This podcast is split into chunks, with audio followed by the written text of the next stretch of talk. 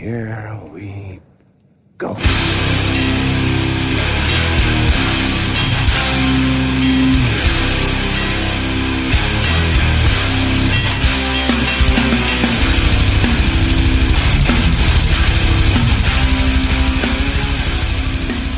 Ja men sådär då, nere på 0,1 episod 123.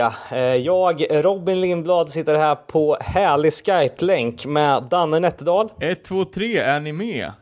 och David Olsson. Jag är med. Jag poddar från mitt, mitt säng idag, det är fan extremt kul, måste jag Du, säga. du hade fan blivit Eh, imponerad av min och Dannes setup, Robin. Så jävla mycket sladdar och olika rum och grejer nu. Ja, vi köpte 55 meter mickkabel, så nu sitter vi faktiskt i varsitt rum här på Davids lager slash kontorshotell. Jag har fått en egen cubicle här. Helvete vad nice. I, eh, I övrigt så känns det som att man konsumerar rätt mycket musik i de här sitta inne-tiderna. Alltså. Eh, har, ni, har ni blastat någonting sen vi såg sist? Ja, jag har faktiskt lyssnat jävligt mycket på de här New Breed kompbanden för att hålla mig up to date. Men det är inte så mycket lockdown här i Örebro, alltså. Jag tycker det rullar på som vanligt. Var på Biltema här förut, det var kanske 400 pers där som gick runt och hostade obrytt på varandra, så att... Fan vad Och trevligt. skate, skateparken är full med rippers. Eller vad har du lyssnat på? Det är väl samma där. New Breed har rullat. Jag har även eh, plockat upp Sekunderna sjuan eh, som vi snackade om för några avsnitt sedan. Just Det här eh, Umeå-bandet som spelar poppig punk. Svinbra. Så att det ska bli, bli nice och, och fortsätta blasta när den kommer på posten. Vi ska ju snacka New Breed idag eh, och vi har ju kollat på en jävligt spännande dokumentär på ämnet också. Men eh, vi ska väl börja som vanligt med feedback och hänt i veckan. Vad var det som kom in sist när vi gjorde listor? Precis. Det vart lite feedback på min lista här om musik släppt på udda format. Folk eh, verkar gilla banbrytande varianter på, på släpp. Och det kom ut eh, några helt schyssta förslag på grejer. Först var det lite olika band som hade släppt på 3 och 5 tums vinyler och så här. Men det som, jag, det som jag fastnade för mest var ju det som Mark skickade in om svenska bandet var Shout Out Louds som hade gjort en platta av is. Såg ni, det länkades upp en, det var i eftersnacksgruppen, en YouTube-presentation av den releasen. Det var ju lite roligt alltså. Det var ju svincoolt, alltså det här var ju en promotion-grej som hade skickats ut. Det, den var gjord i 10x och då var det alltså ett kit för hur man ska Ja, det var ett kit och en vattenflaska man skulle liksom lägga in i en frysmall, stoppa in i frysen och sen plocka ut skiten och kan man spela det på sin skivspelare.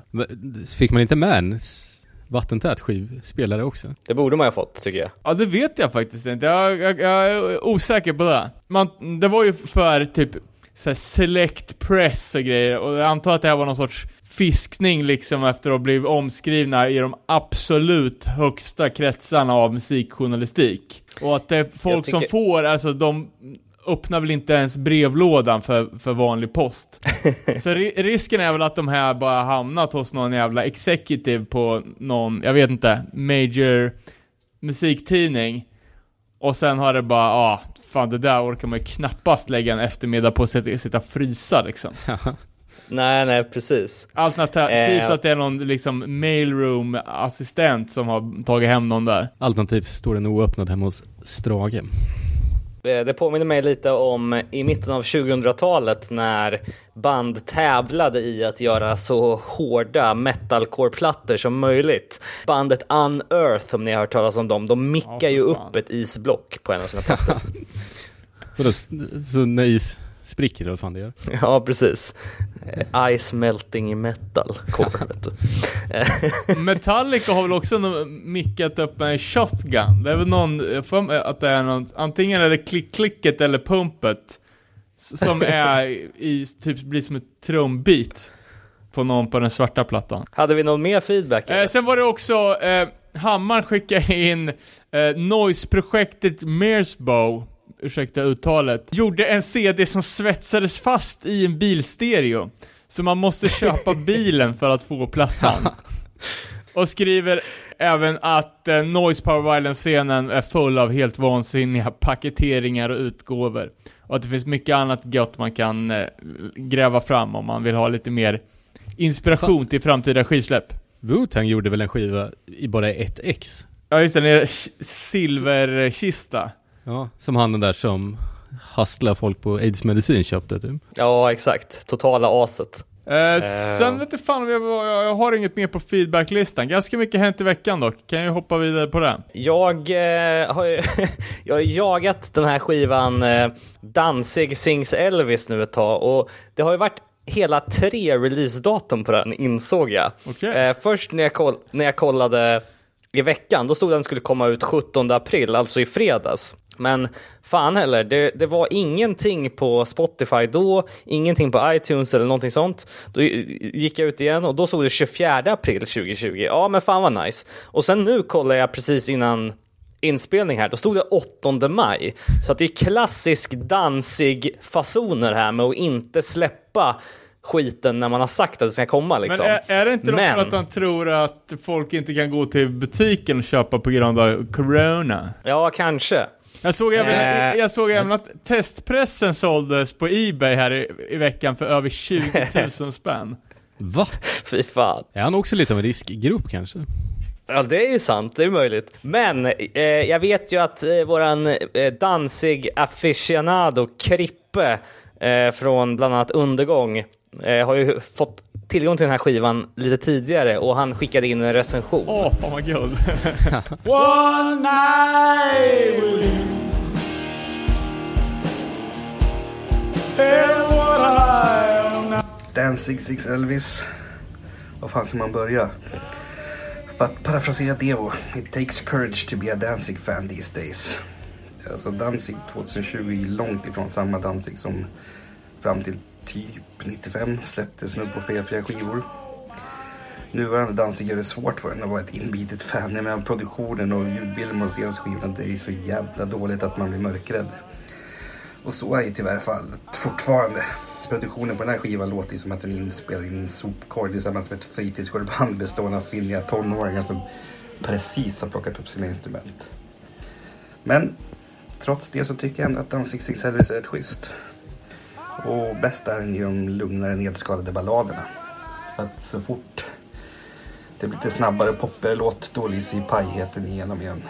Annars är det så här han borde fortsätta karriären med lite lågmälda låtar. Man önskar ju nästan att han gjorde som Johnny Cash gjorde i slutet av sin karriär och slog sig ihop med Rick Rubin och släppte platta med bara hans sång och en akustisk gitarr.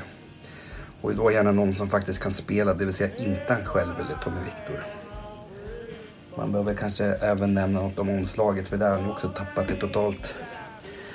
Och det här är inte direkt skitsnyggt heller, men det är ju åtminstone inte lika fult som Black Lady Crown eller ännu värre Live on the Black and Side-plattan. Plus kan dock ha för att han gör något som han gjort sedan Misfits och Sammy-tiden och rippar artwork och gör om det till steget. Och i det här fallet så är det självklart Elvis omslag till skivan. Eh, Elvis Sings Witchcraft slash Bossa Nova Baby. Men som sagt, godkänt. Men han får fan ta och skärpa sig när han spelar in skivorna. Been too lonely, too long. One night.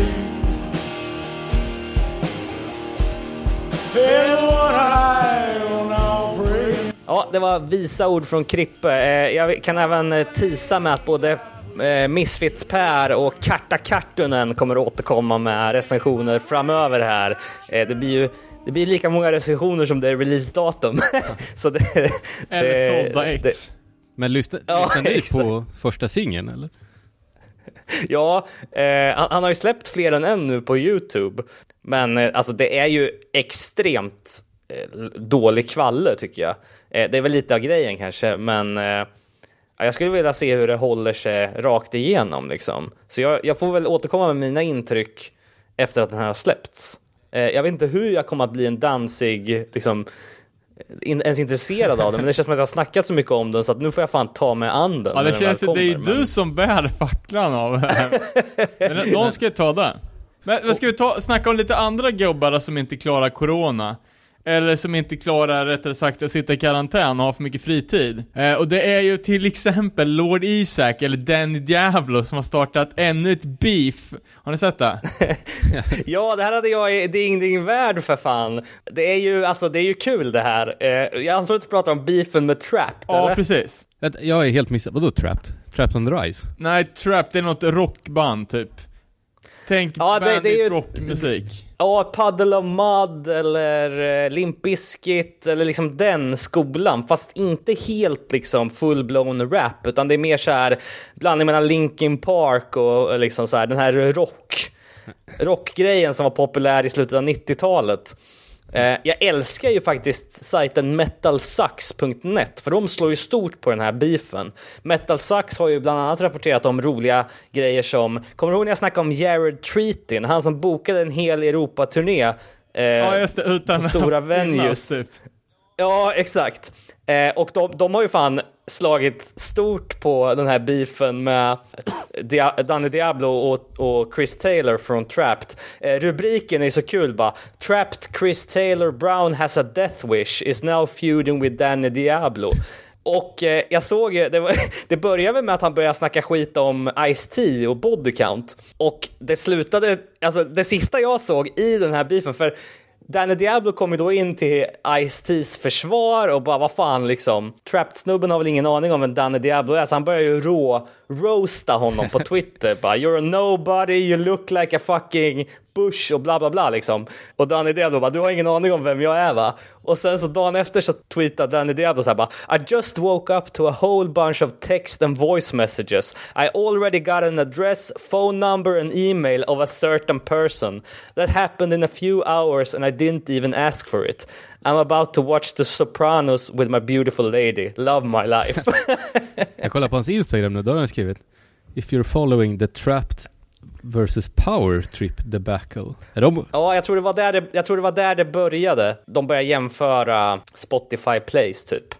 Men, eh, men Det är ku- kul att hålla ögonen, ögonen på i alla fall. intressanta fakta som kom ut av den här eh, artikeln på Metal, Metal Sucks om Danny Diablo är ju typ att han har suttit för mordförsök och grejer. Det visste fan inte jag om. Nej, jag visste att han hade blivit utsatt för ett mordförsök när han varit huggen med en skruvmejsel i levern av någon pundare som gjorde inbrott i hans bil. Just det. Från New Hardcore-dokumentären. Ja, annat man kan ägna sig åt, eller var du klar där Ja, jag har ju ett till då. Det var ju Peter Falkenäng som skickade in att Al Beryl var i beef med Joe Hardcore. Just det.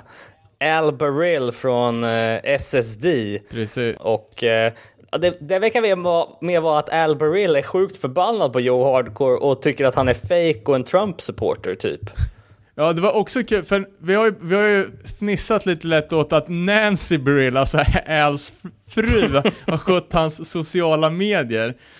Eh, Men nu har han, verkar han ju, han har ju också sjukpensionär stackarn, så han har ju, nu sitter han ju hemma, nu har han ju lärt sig hur, hur det här med sociala medier funkar. Och som alla gubbar på Facebook så blir det ju tjafs, direkt. Ja, verkligen. Men också att han typ hotar Joe Hardcore med att vi kom, SSD kommer fan aldrig spela på This is Hardcore, det här kan du glömma. Men det har ju aldrig varit snack om att de ens skulle göra reunion eftersom de i bandet hatar varandra. Så han, kan, han Ja, liksom, exakt. sitter och, och hotar med någonting som ändå inte kommer hända. Nej, precis. Kul. Vart kan man läsa det här då? Ja, det kommer in från våran, eh, Source. ja exakt, source of the game, Peter Falkenäng. Sigtuna-scenen. Men jag har också en, en grej som jag har sparat lite på till senare, det är ju valår i år. Så nu har jag en eh, scenpersonlighet som eh, outat Trump-supporter, som till och med har eh, Ja, vad fan. Trump 2020 som profilbild på Facebook. Åh jävlar. Det, det får du slänga in i Ding Ding Värld Ja, jag- då, för det är där vi lägger Ja, all... men, ja exakt, jag tänker att vi sparar det tills det börjar dra ihop sig till valet, där vi samlar på oss vilka som... Ja, nice. Så det har ju varit mycket Bernie-support, jag såg, eh, Chuck, Chuck från Black Flag hade ju en hemmagjord Bernie Sanders-tröja till exempel med, med Black Flag bars och lite sådär. Eh, sen en en Ja. annan grej då från sociala, jag vet inte om, vi, om jag nämnde det här, men det är så, lite intressant tendens. En kille som, eller kille, det är en gammal farbror som, som har drivit eh, Suburban, fan heter det? Suburban Voice tidningen. Så underground, typ finare fanzine, lite som Maximum Rock'n'Roll ungefär.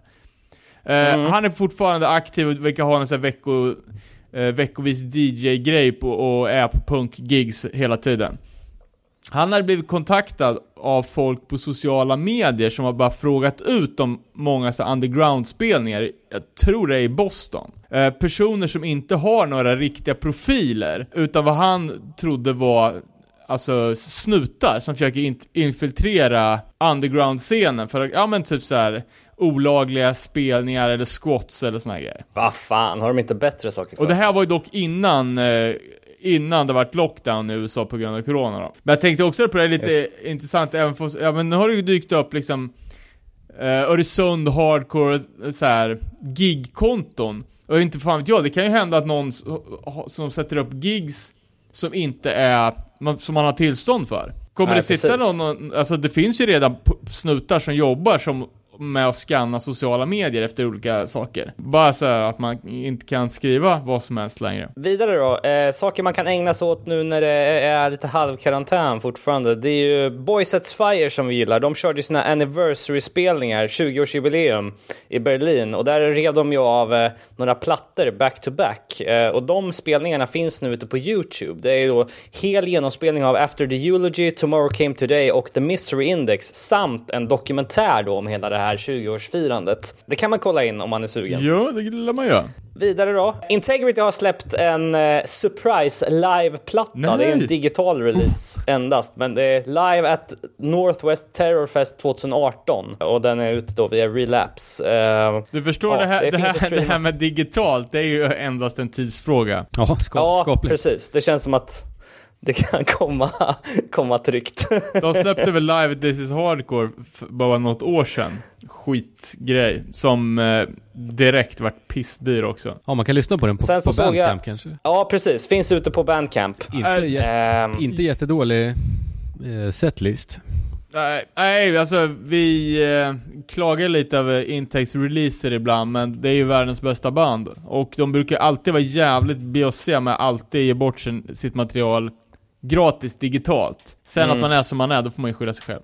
Jag satt och kollade på en eh, karantänspelning av eh, Chromags med Harley Flanagan i spetsen. Ja, det gjorde det. Eh, det var ju så jävla kul när han öppnade den spelningen och bara såhär What's up all you motherfuckers out there in cyberspace? eh, och sen så på det giget så spelar de också The Final Test som är deras nya singel från kommande platta då, In the beginning. Så jag tror det finns ute på, på tuben även där då. Alright, men du, fan vet vilka som ska släppa den? Eh, Jag tror, är det inte deras egna bolag? Eller hans Nej. egna? Det här är ju Mission 2 Entertainment. Nytt bolag av Tony Victory. Åh jävlar! Ja, jag såg det. Mitt gamla favoritband Insight har ju precis annonserat att de ska komma ut med nytt, nytt material.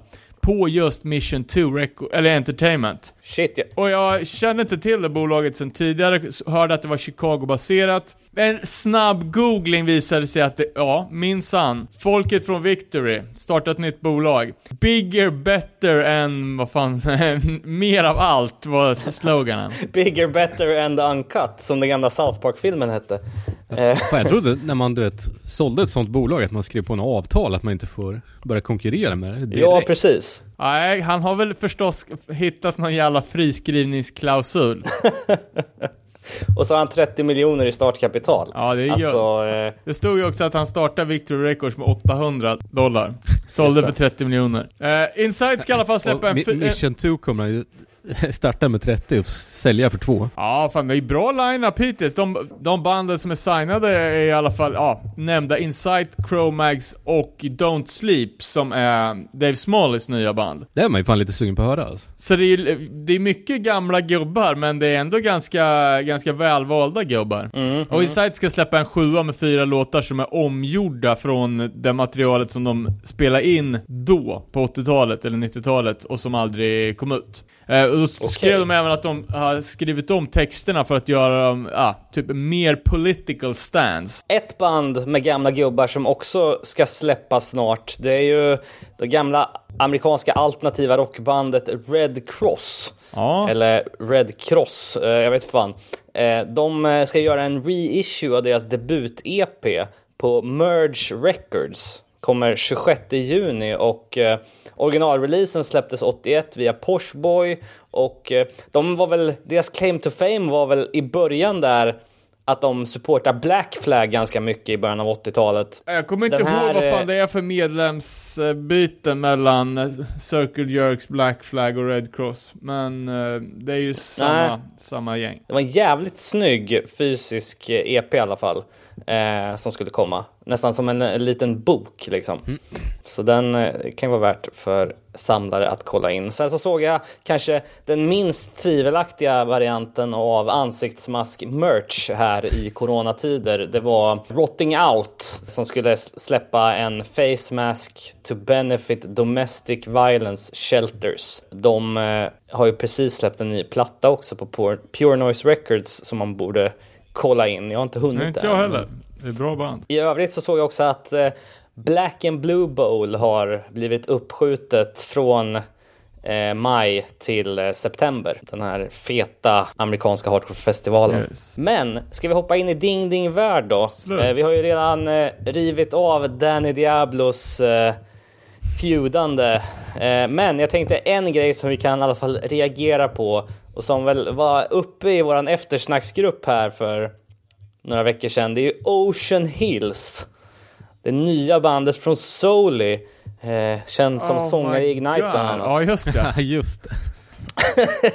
Fan vad skönt att man hade Eh. glömt det en liten stund. Ja, eller hur? Då är jag här för att påminna dig.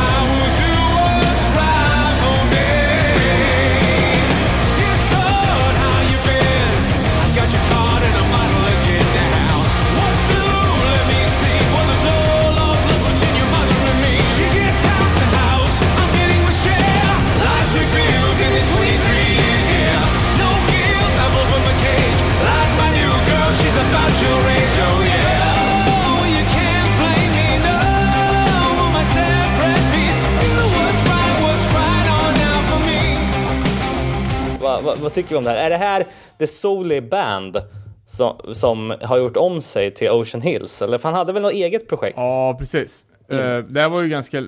Det måste ju ha varit runt 2000 han hade solo band och släppte väl en liveplatta som han har någonstans i garderoben. Eh, och då kändes det väl lite mer genuint. Eh, och jag vet inte vilka som var de andra musikerna på den plattan, förutom Soli själv då. Men eh, det här nya var ju så in i helvete dåligt. Och jag förstår inte liksom, för jag tycker ju att uh, Pastor Means och All of My Brothers är, är ju... Jag skulle fan nästan vilja slänga in båda dem på topp 5-listan av bästa någonsin. Jag fan dyrkar de skivorna. Jag förstår inte någon person som kan ha varit inblandat i det kan göra någonting så jävla ruttet nu. För allt är, Nej, allt är fel. Det är ju precis som det här Trapped-bandet. Någon sorts jävla kommersiell radio, stentvättar jeans, eh, muskeltröja. Ja, ex- exakt. Strandraggar Bandit Rock. Skräp. Alltså, och sen också så här. Han slutar ju, det måste ju varit någon grov beef i Ignite som gjorde att han hoppade av då kan jag ju tycka. För att han har ändå energin till att starta något helt nytt. Ljudmässigt så är det ganska, det är ju väldigt annorlunda men... Men, då kan jag inte ens tycka att men- det där är bra själva. De måste ju göra någon sorts jävla helt galen satsning med plånboken och tro att de ska bli Ja. Liksom, de, de är så jävla förlegade så att de tror att de kommer kunna liksom leva rock'n'roll lifestyle på någon sorts jävla strandraggar-rock. De skulle ju Ja, men börja. Soundcloud-trappa liksom och tatuera facet och färga håret rosa. Då hade det ju kunnat bli något kanske. Då hade man i alla fall kunnat respektera att man gick hela vägen. Här går man ju totalt bakåt liksom. Vågar man gissa att det Eh. kanske är lite svårare att göra med? Ja, man har ju fått det intrycket. Tyvärr. Vad var han var väl i Pennywise ett halvår liksom? Men Men dock precis. var det väl... Men den plattan är ju jävligt bra. Svinbra. Jag, jo, jag tror ju att han fick sluta där för att Jim ville komma tillbaka till Pennywise så att det inte var liksom Solis fel den gången. Och Mm. de gångerna jag har träffat Ignite så har de ju varit super legit. Till och med när man var 16 och hade sitt ruttna fanzine. Så att eh, det här med att de skulle vara lite douchiga, det är ju mest på ryktesvägen man har hört. Ja, nej men eh, det var väl allt jag hade där. Ja, jag har Eh, några, vi några får- grejer då. Två noteringar här på prylar som har släppts nyligen. Det första är ju Bad Brains slash Element Skateboards. Ja, jag såg det. Eh. Vad har vi att göra med? Jävligt skumt. Det, är ju, det första jag såg var en collab mellan Elements förmodligen största namn, proffs, äh, Nigel Houston som är väl en av världens största skateboardåkare. Tyvärr är- också en av världens mest hatade skateboardåkare. Eh, som har gjort en Pro-bräda med Brad Brains grafik. Sen såg jag även att, att eh, Bad Brains gjorde någon sorts eh, cruiserbräda-modell som var, som var inspirerad av Daryl Jennifers bas. Eh, han hade någon, någon bas som han hade haft, en grön rackare som hade börjat flagna i färgen som han hade haft. Och då ser liksom skaten ut den är liksom motivlackad efter den faden. Och det Ja, ser okej. typ så streck över truckarna för så där bassträngarna ska så där, ser ganska tack ut. Men håll med om att det var lite störigt att de gjorde det med Nadja just. Jag gillar ju Nadja, det är ingen annan som gör det här, så jag tycker att det är nice. Men jag fattar inte, kopplingen är Han, enorm. han, har inte, han, han har inte riktigt en Bad Brains vibe. Nej, han lyssnar inte på Bad Brains. Eh, och han har ju också tagit avstånd från Rasta, för han växte ju upp som eh, Rastafari Kid och hade ju, hade ju aldrig klippt sig förrän han var typ 22. Så han hade ju dreads ner till fötterna. Men sen eh, så, det var ju, han var ju tvingad av sina, sina Rasta-föräldrar, så han sket, eller liksom han sa ju upp den när han blev vuxen. Jo, Mm. men nu är han ju... Han vill ju gå på klubb, han vill inte lyssna på någon jävla punk. Ja, exakt. Det är ju housemusik liksom. Och han bor i en jävla mansion liksom. Ja, och han borde ju kunna sälja sina brädor, de borde ju slänga på det där Liksom, det är ju någon sorts dragplåster att- att få en Bad Brains-logga på sin Pro Model, men eh, såg även att det var ett gig eh, H2O, Gorilla Biscuits och Death by Stereo Detta är ruttna band, fan varför har man, varför Ja, har man gillat fan. dem? Eh, eh, den spelningen presenterades av Element Jag tror att den, den varit inställd dock. Okej, ja det var väl inte, ja okej Det blir ju allt nu för tiden Sen såg jag Death även by Stereo var, var väl, verkligen, alltså det var otroligt vad dåligt det här var när vi såg det Ja, Daniel. det var skitdåligt Fan jag såg dem i Linköping och då var sångaren sjuk så han sjöng ingenting på hela gigget. Vart det bättre då eller? Äh, vet fan. Han typ såhär, är det någon som kan någon text så kom upp och sjung typ. Jag har ändå en skiva med dem som jag tyckte var ganska bra. Boris har ju fan en Death by Stereo tatuering på knät. Jävlar. Jag har ändå så här, tänkt att jag tycker om dem. Men jag... Ja, jag har också trott fatt- det, fast jag inte har lyssnat på dem. Får jag ställa en annan fråga då? Som Ja, är... bara avslutningsvis, eller vad hade du med Element Ja. att göra? Nej, nej, kör, kör avslutningsvis. Även att eh, eh, det är en Hate Thousand dokumentär sponsrad av Monster Energy på gång. Jävlar. Alltså företag som börjar vilja sponsra hardcore-grejer. Är det här en trend? Men hade inte Red Bull gjort någonting om... Jag tror inte det var Hate Thousand dock. Ja, det vet jag inte. Fan var det? Jag kan ha blandat ihop läsktillverkarnamnet också, men det var i alla fall eh, den dokumentären sponsrad av en energidryck. Det var nog det, som handlar om typ belgisk metal i allmänhet. Uh, right. Ja, E- Eller så är det jag som blandar ihop, det kanske är två olika. who knows? Folket vet, man kan kommentera in. Men eh, vad fan, om man, ska vara, om man ska vara lite så så kanske det kan bidra till att vi får se lite reunions av lite klassiska Hate Thousand band. Jaha, tänk Co- Congress Liar Reunion Sektor typ. turnén, ja. Riktigt uppumpade på monster också. menar det, sjuka i huvudet liksom. Klapp, klapp, morse. Ja, fan, jag, jag tar det. Jag tar det om det är, nu är för att de måste dö, eller offras till monstergudarna liksom. Eh, döpas i Jamie Jastas eh, namn. Jag har kommit typ 300 sidor in av den här 650 sidors boken och den är fan bra alltså. Hade vi, hade vi inte Nice. redan gjort ett Hate Thousand specialavsnitt så hade vi fan varit läge att göra det nu. Nej, men har vi det? Jag, jag minns inte Ja att men vi har gjort det. Jaha, okej, fan. Ja, men okej, det där var lite eh, hänt i veckan. Eh, ska vi ta och gå in på veckans huvudtema som är The New Breed.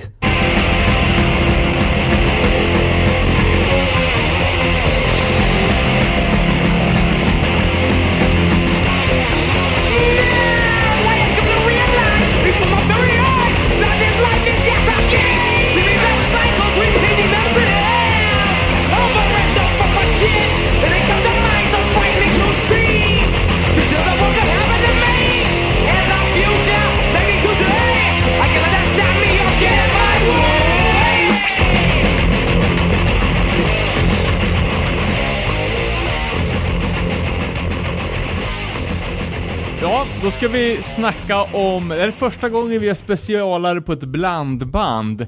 New Breed Tape Compilation. En kassettsamling som släpptes 1989. Med 20 relativt då okända band från New York. Eh, det här kom ut som LP 2011. Och som 8-track, som vi pratade om förra avsnittet, 2017. Och nu då förra veckan så kom det en dokumentär om alltihopa. Eh, och den här samlingen sattes ihop av två kompisar, det var Freddy Alva och Chaka Malik som eh, sjunger i Burn. Eh, hade ju ett fanzine som hette New Breed Fanzine.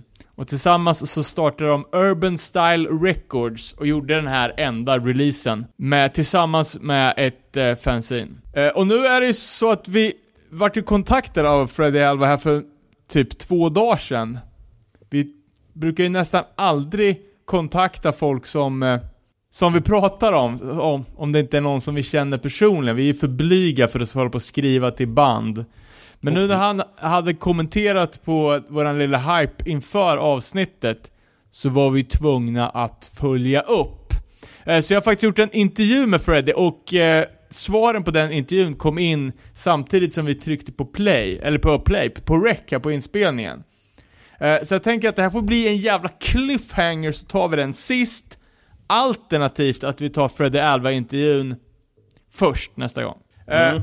Låt mig eh, säga lite allmänt om hur New York-scenen såg ut då runt eh, 85-86. För det här, det här eh, compilation-tapet New Breed, det kom väl först 89? Korrekt.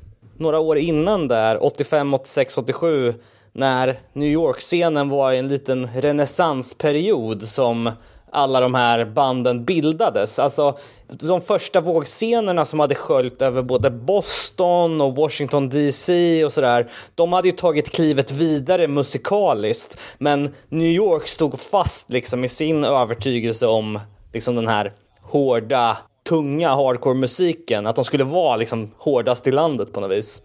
Eh, antingen då via liksom spela crossover med band som Leeway, Crumbsuckers, Nuclear Assault eller liksom band som från New York som, som tog klivet ut på de stora scenerna och turnerade med Black Sabbath och Beastie Boys, till exempel Cro-Mags, Murphys Law och så vidare. Eh, men sen hade man ju de här eh, alltså eh, straight edge banden också, Bowl, Youth of Today, Gorilla Biscuits och så.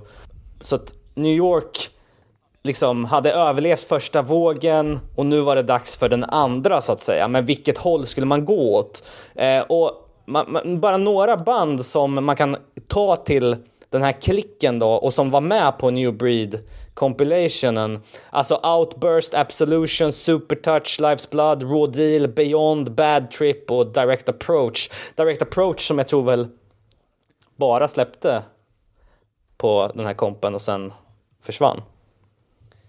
Ehm, Ja, överlag så var det ju alltså, när, när den här compilationen kom ut, så var det bara Li- Lives Blood och ett band till som faktiskt hade släppt någonting mer än demokassetter. Och två, Jag, jag läste någon intervju, då sa de att de ville att det skulle vara så. Och, och typ breakdown var undantaget. Alltså att det var medvetet. Och Breakdown hade ju, de hade ju medverkat på en samlingsplatta, de hade ju inte släppt någonting annat än den legendariska Breakdown 1987 demokassetten. den basen alltså. Allt vad den är ju helt sjuk. Eh, Men mer till det senare. Eh, Det fanns ju några tape compilations som hade gjorts, alltså blandbandsgrejen var ju en det var ju liksom DIY-varianten, DIY-varianternas DIY-variant, när man inte kunde ens få ihop en samlingsplatta. Till exempel liksom Flex Your Head samlade DC-banden och det gjordes ju hundratals i, i, på västkusten till exempel. Och det här var ju lite på sluttampen av kassettbandseran. Eh, Fred och Chaka säger att de var inspirerade av eh, Guillotine Fanzine, var ju ett, ett stort jävligt uppstyrt A4-fanzine som, eh, som gjordes i New York. Eh, och de släppte ju en eh, sjukt eh, svårhittad compilation som hette United Scene, som medföljde deras fanzine då. Det här var, det här var ju några, några år innan. Ett annat fanzine som var stort i New York på den här tiden var ju också Bullshit Monthly. Just det, Mike Bullshit från SFAs eh, eh, fanzine har jag för mig. Det var ju udda i dokumentären Mm. de visade att de hade en, en eh, butik som bara sålde fanzines. Ja, verkligen. Snacka om Nisch- Nischat. snävt liksom. och också så här en, en, en fanzinbutik på Manhattan som bara säljer fanzin. Liksom klara av hyran på Ja, det. det var billigt i New York på den tiden. Men det där du- du sa musiken, det är ändå 20 band som låter fan, ganska snarlikt och det är ju fan inte Youth Crew och det är inte Crossover. De här 20 banden, jag skulle också säga att det är inte jätte, jättestor skillnad musikmässigt. Däremot skulle bandens medlemmar gå vidare, eh, kanske redan samma år, och starta nya band. För två tredjedelar av banden som är med på den här kompen la ner samma år, 1989. Eh, och starta nya band. Till exempel eh, Quicksand, som var liksom ah, största post New York Hardcore-bandet. Band som gick mer åt det punkare, lite mer squat crust-stilen, som Citizens Arrest och Born Against. Eller band då, som Tough Guy-band som Everybody Gets Hurt eller Scarhead och såna grejer. Det, Eh, och det, du vet helt plötsligt samma klick som öppnar upp för tre helt olika sound.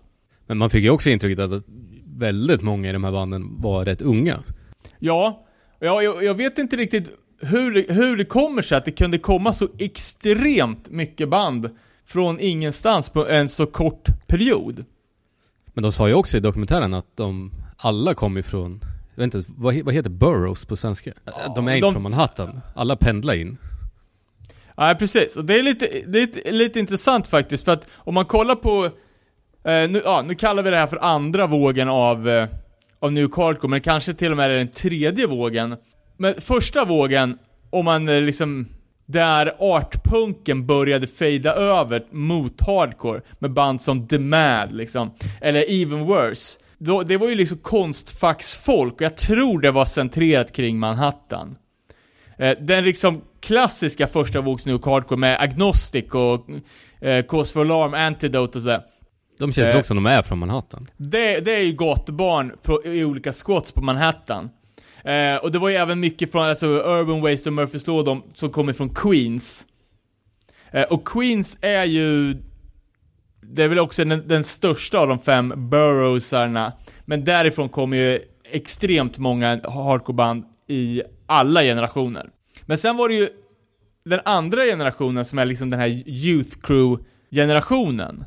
Eh, och där är det mycket mer villa förorts kids som reser in, eller flyttar in till New York för att ta del av hardcoren som fanns där. Alltså Youth of Today som kom från Connecticut, Jules från Side by Side kommer från New Jersey, eh, Mike Judge kommer också ut från New Jersey, eh, Crippled Youth kommer ju från Cantona, K-Town, Marsh Crew. Och då, då är det liksom, dels kommer folket från helt andra ställen, men det är också en helt, ett helt nytt klientel.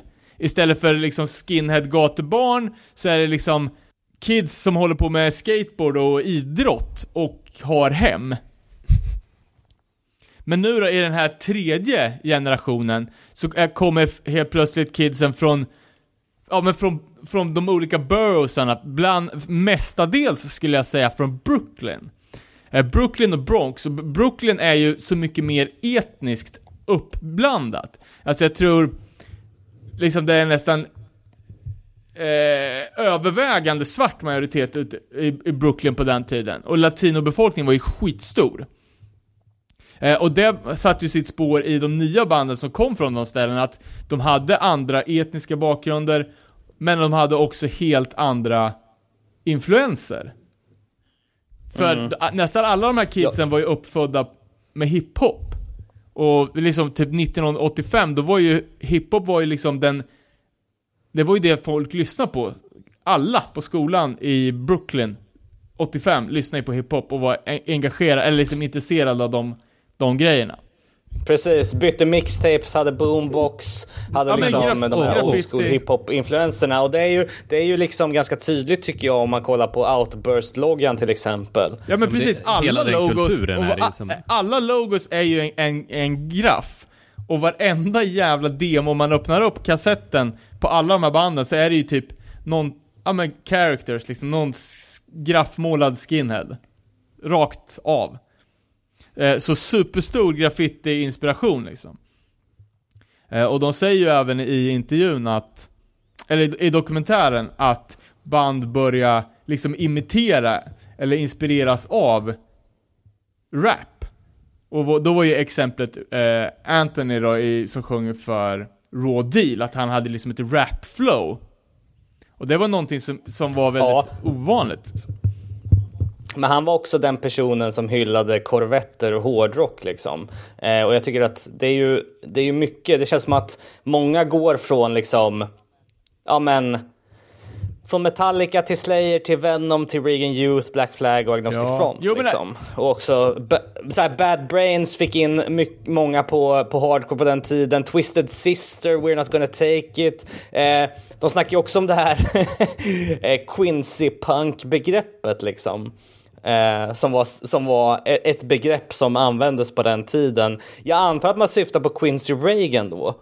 Eh, som hade någon slags... Ja, jag vet inte, jag har fattat fr- från den här eh, dokumentären att det var ett, en tv-serie där det var ett inslag eh, där de var på en punkspelning. Och det här var någonting som hade sån här jättegenomslagskraft. Precis som att alla i USA började åka skateboard efter Tillbaka till framtiden. Just det. Men vad, vad jag Eh. la märke till också var att det var jävligt, alltså jätte, jättemycket folk som hade växt upp med hiphop. Eh, Men det var även folk liksom från, från skateboard eller som lyssnade på metal. Men det var väldigt lite folk Mm. som hade lyssnat på riktig punk. Ja, och sen det var ju kul att se de här eh, olika vägarna in i hardcore liksom. Alltså den här filmen Repo Man eh, som, som hade ett soundtrack som bestod av bland annat Circle Jerks, Suicidal Tendencies och så vidare. Och att folk kom in, kom in Ja. därifrån. Men också i många fall hade föräldrar som underlättade musicerandet liksom att introducera kidsen till jazz och funk och soul och så här. Eh, men även liksom hårdrock och Black Sabbath och hiphop. Ja. Eh, och en annan grej som är väldigt tydlig om man kollar på folket i de här 20 olika banden, att det är väldigt lite tjejer. Och de säger i dokumentären är Mm. också att det var i princip en pojkklubb liksom. Eh, Men mot slutet av den här eran så ska ju saker förändras ganska rejält vad, vad det gäller den biten. Men vi kommer till det senare. Eh, Har vi några andra generella grejer? Eller ska vi bara nämna lite av de banden som är med? Ja, man, man, eh, man kan ju bara för att ge en liten överblick först nämna de här viktiga spelställena. För när man tänker på New York-scenen på 80-talet så tänker man ju bara på CBGBs. Men eh, man ser ganska ofta posters med från The Rock Hotel till exempel. Rock Hotel var ju ett, ett av de större, större spelställena va, men även det som blev Rock Hotel slash Profile som släppte Chromags eh, Age of Core.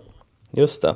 Men vad fan, vi kan väl hoppa rakt in i banden Eh, då. Tänkte bara summera det här med att eh, arbetet med att samla ihop banden började eh, sommaren 88 och det, de var klara någon gång eh, våren 89.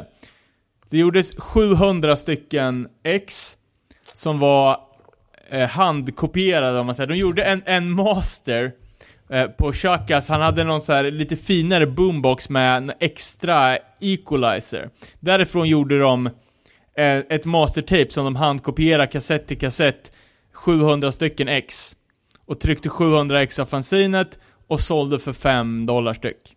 Man såg ju i, i dokumentären när de satte på labeln också. Det var ju också när de bara limmade på. Ja. Ja, det var ju extremt DIY. Eh, men det har ju blivit, alltså det här har ju blivit en jävligt kultförklarad kassett. Jag kände typ inte till det förrän, eh, förrän ganska, alltså var ganska väl inlyssnad på de här banden. Alltså de större. Eh, de flesta banden kom ju aldrig längre än till kassettsläpp. Eh, eh, vad, har- vad har ni för relation till New Breed? Ingenting egentligen, förutom som du sa, att man lyssnar på vissa av banden. Ja, nej, det är samma här. Jag hade väl i princip bara hört två band, typ. Right. Ja, för när, när LPn kom då, eh, 2011, så började jag liksom gräva, gräva ganska djupt. Och jag har ju fan gått ner ganska långt i New Breed-träsket under, under åren som har, har varit. Eh, och eh, det finns ju liksom en liten kult runt det här, för den här samlingen brukar ju klassas som liksom the holy trinity av New Hardcore-samlingar. Eh, och det är ju då The Way It Is, klassiska Revelation-samlingen, Where the Wild Things Are, som, som kom 89 från eh, Blackout Records, och sen är det ju den här då, New Breed. Eh, och just i och med att den här är den som är mest obskyr, så får den ju också liksom en sån kult, för alla kan ju, du kan ju gå in på Ginza och köpa liksom eh, Revelation-samlingen på CD eller LP idag. Men den här går ju typ inte att få tag på. Och gör den det, då, ah, då är det ju liksom ett par tusen. Och sen just att inga band, nästan hälften av banden, hade man ju bara hört talas om i samband med det här. Och de, de hade släppt en, en eh, piss-obskyr kassett. Som nu då visserligen finns på YouTube, men om man inte liksom sitter och gräver demos på YouTube så är det liksom en, helt, en hel värld av nya band som man inte vet någonting om, annat än det som står i bookleten. Fan, Breakdown är med på alla tre ju. Ja, och de har ju liksom ett så extremt, extremt stor inverkan på, på, alltså de var ju först ut med nästan med, att släppa en, en kassett eh, av de här banden. Och det är ju en, eh, jag kommer inte ihåg hur många låtar, men det är ju en 6-8 låtar på Breakdown-demon som är top notch alltså. Eh, hur som helst då. Första bandet ut och ett av de viktigaste är Absolution. Eh, ett band som har legat mig jävligt varmt om, om hjärtat länge. Jag hittade CDn, de släppte ju en eh, Complete Discography på slutet på 90-talet som jag hittade av en slump. Tyckte omslaget såg jävligt coolt ut. Alltså, eh, ja, Absolutions svarta sångare, det är eh, liksom mycket bara över, du vet, New Hardcore, så Absolution så här, indikerar väl någon typ av straight edge hardcore, tänkte man. Men omslaget såg ju så jävla punkigt ut. Så det kändes ju som att det här var, det här var något lite annorlunda. Gitarristen verkar ju... Han och sångaren var så, så, jävla olika ut tyckte jag. Han var ju någon biff typ. Ja, Gavin Van Vlack, han är ju, ja exakt. Exakt, han, han, eh, Men han, dok- han var ju i där även på den tiden såg man ju. Han, han såg ju ut så även på den tiden typ. Ja men precis, han poserar i, eller han blir intervjuad i en boxningslokal och det måste ju vara hans hemelement liksom. Och sångaren, Det var hans, hans idé också säkert. Ja, säkert, säkert. Eh, så, sångaren Men- sa väl att hans farsa var någon sån här avantgarde jazz-geni eller någonting. ja, Dingy Brown, eh, precis, han säger ju att, att han kommer från en musikalisk musikalisk bakgrund och de andra i eh, Absolution har ju ganska Alltså ganska fin stamtavla när det gäller andra band. Gitarristen då, Van Vlack, han hade ju spelat med Nuke Hoods, som gjorde en eh, jävligt fet demo, Nuke Hoods 86-demon. Eh, och hade även spelat med Side by Side. Dock innan de släppte Revelation 7 eh, Basisten Alan Peters spelar ju med Agnostic Front på Liberty and Justice LPn. Eh, Och eh, trummisen Greg Johnson hade också tydligen spelat en, en kortis i, i Agnostic Front. Eh, Medan Dinger, det enda som står om hans bakgrund är att han var cykelbud i Bronx.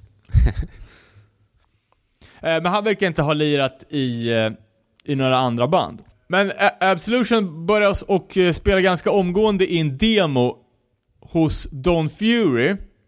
Eh, tyvärr så släpptes aldrig den här demon. De hade spelat in en 11-låtars. Eh, det finns tydligen på bootleg-CD som har gjorts på 90-talet. Eh, men ganska snabbt ut så vart väl Absolution stack ut ganska mycket från de andra banden. Dels för att de var jävligt duktigt, duktiga musikaliskt. Och eh, liksom Gavin Van Vlacks gitarrspelande lyfts ju fram av alla. I alla intervjuer så är det det de snackar bara att han är så jävla grym på att spela gitarr. Ja, ah, hans gitarrspel innefattar mer än bara powerchords. Han hade, eh, heter det, arpeggio när man an, slår an på alla strängar tror jag. Ja, dålig på musiktermer. Men att han, att han spelar på ett helt annat sätt. Och att han liksom skapar ett helt nytt hardcore sound. Eh, vid 21 års ålder dessutom. Eh, Och sen så, så står det ju också att, eh, och det här är ju ett citat då, men att Dinger, att eh, han var, det fanns ju alltså ganska många African American sångare i, i hardcore, men att han var den enda som lät svart. Men att, att han hade liksom en mer, jag vet inte, soul, hiphop inspirerad sångstil, jag kan inte riktigt bedöma det. Eh, Han har, Men eh, representeras det även i, eh, i Absolutions texter? jag kan fan inte bedöma det alltså, de har, de har ju... För att jag får för mig att de sjunger ganska mycket så här klassisk hardcore, liksom betrayal och, och liksom tough guy. Jag skulle, jag skulle spontant säga att för, för mig, alltså jag har inte läst Absolution-texter, jag har lyssnat jävligt mycket på dem, men för mig så framstår inte det som någon liksom next level poesi. Men det man läser om så är ju alla att de verkligen har jävligt mycket mer sofistikerade texter än andra. Jag är väl för dum för att läsa det kanske. Ja, okej. Men det beror på Det är vad men man det är väl bara så här typ att man inte- Chromax så är det ju... Ja, men och sen så att man inte själv tar, tar sig tid att läsa texterna liksom, utan om man inte gör det så... Nej precis, nej jag tror Så fan det, det- har- jag tror det är dåligt med texthäften till min Absolution-samling dessutom. Eh, men sen också live att, eh, att han var så jävla grym, alltså frontman.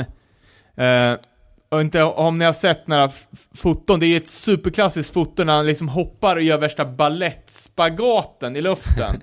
eh, och, och på skivomslaget så liksom så lutar han sig bakåt. Han står på fötterna, lutar sig bakåt och sjunger fast huvudet liksom nuddar nästan marken. Så här lim, limbo-kompatibel. Ja, alltså, totalt jävligt, äh, ja. Cykelbudslivet eh, har väl eh, gett honom en ganska slink eh, fysik liksom, slank. Eh, det är jävligt fett det ja, där men han är ju atletisk som fan. Eller split eller och fan påminner jävligt mycket om HR då från Bad Brains liksom med sitt, Mm. ja, att det är show när de spelar. Sen släppte de ju den sjua, den, den sjuan kom ut eh, 89, jag vet inte om den var släppt när New Breed kom ut. Men den kom samma år i alla fall, på ett Brooklyn-bolag som heter Combined Effort Records. Eh, och nu ska vi se här om, om ni kommer ihåg. Eh, Dave Stein som hade det här Combined Effort Records. Vad gjorde han? Sa jag när vi... Så, var det han som satt i den där röda underdog-tröjan eller? Ja, precis. Han var lite orakad med röd tröja, långt hår. Ja. Vi har, pratat, vi har pratat om honom i Victory Records-avsnittet. Var inte han typ såhär, du är chef för, inte Sony, men något jävligt liknande? Ja, han kan ha blivit, han kan ha gått vidare till chefen för Century Media, men det var inte det jag tänkte på. Det kanske var där det var ja. Det var han som lärde Earth Crisis om veganism. Aha. Hur som helst, Absolution 7 då. Eh, låtarna är skrivna 87 och 88, men den kom inte ut förrän 89. Och det här är typ ett exempel, typexempel, på hur dåligt ljud kan sänka en klassiker. Alltså, pissrötten kvalitet. Eh, och sen är omslaget i princip helt svart. Det är liksom black on black Absolution-logga. Det är inte ens en logga, det står ju bara. Ja, ja, precis. Typ. Så att det är en riktigt, riktigt tråkig release. Så det här är liksom, tror jag, ja. Hade den varit släppt på Revelation Records med ett fett live-foto som de uppenbarligen, som uppenbarligen fanns, med, en bra Don Fury-produktion, då hade det här varit liksom en milstolpe in i hardcore. Nu är det liksom en, ja det är nästan så att det är Reabax Guides-läge. Åh fan. Men eh, den har inte remasterats Eh, jo, den gjorde, den gjorde det. Eh, på 2000-talet. Eh, och sen Okej. släpptes ju den här Temperance Records, gjorde ju typ, jag tror det var 97 eller någonting, Complete Discography. Det ser andra sidan ut som en krustskiva liksom. Och det var ju den jag köpte på CD då, och som jag har på LP nu då senare. Men det som är problemet med den, det är ju att alla deras låtar är ihopslängda i random ordning. Så det kan vara en live-låt, en låt från demon, en låt från den session, och då blir det bara ett jävla mishmash att lyssna på. Jävligt märkligt. Men ett sjukt fett band och eh, alltså så här i efterhand så är det ju ett av de banden som har gjort störst avtryck skulle jag säga. Jag släppte även Juxtaposition, en sjua, som kom 2017, som också är jävligt fet. Så de kan en. De kan en. Eh, och den här kompen den öppnar ju med, alltså, tre av de inom citationstecken största banden och tvåan här nu är Life's Blood som faktiskt hade släppt en sjua eh, redan innan kompen och det här är ju ett också ett jävligt legendariskt hardcoreband trots att de bara fanns i 14 månader. Lite störigt att det är live-låtar dock. Ja, jag tror inte att de, ha, de hade spelat in så jävla mycket, mycket mer. Eh, som sagt, de hade ju en, eh, en sjua redan ute. Defiance. Eh, också släppt på Combined Effort Records. Eh, och eh, Life's Blood var ganska, alltså lite spe speciella, för de verkar ju inte ha haft någon som helst önskan om att bli kompis med övriga band. De beskriver ju sig så, själva som antagonis, antagonistiska. Anakronist... De, kuken. De beskriver sig själva som anakronistiska. Att de eh, var bakåtsträvande och ville låta som Negative Approach eller Crucifix. Eh, och det här var ju liksom i starten på en ny scen. Alltså de här åren när, när, när band ville låta, alltså, de ville gå vidare från hardcore, snarare än att gå tillbaka till det första soundet. Men de var ju jävligt hardcore, jag har inte riktigt fattat hur mycket hardcore de egentligen var, för att hela Life's Bloods legacy legacyn har ju varit så kantrad av kontroverser och att, ja, medlemmarna bildar ju sen Born Against, ett band som liksom typ var i krig mot övriga New Carco-band senare. Eh, Men de beskriver sig själva som ah, ett jävligt stökigt punk hardcore-band, men att de var 100% dedikerade till hardcore. De har ju liksom på, skiv, på i skivomslaget så har de så här Hardcore, love it och leave it och sen är det typ någon som skär halsen av en, en poser typ. Den var rätt brutal den bilden. Eh, och de säger, säger att eh, bandet börjar med att de, att de spelar in en, en demokassett hos Don Fury som aldrig såldes. Eh, och inspelningen gick, gick till så att Don Fury tryckte på rec, sen drog han och gjorde något annat. Medan de fick stå och spela sina låtar live om och om och om igen tills det sa klick och bandet tog slut. Men de var så peppade över att bara få spela in i samma rum som Agnostic Front hade spelat in United Blood, så att de kunde knappt koncentrera sig på att lira. Den demon är ju jävligt hårt omslag på också faktiskt. För det är allting de... Det är, allting Ja, jag, är jag kommer fan inte ihåg, hur ser, hur ser Life's Blood demo-kassetten ut? Ja, Det är en varg All på right, typ. just det. Ett Jävligt foto av en varg va? liksom. Eh, Men Life's Blood var ju, alltså de var jävligt öppet kritiska mot scenen. Och första låten är det väl på, på sjuan, är ju alltså en uppenbar diss mot Ray Capo och Youth of Today. Och låten heter Never Make It Mm.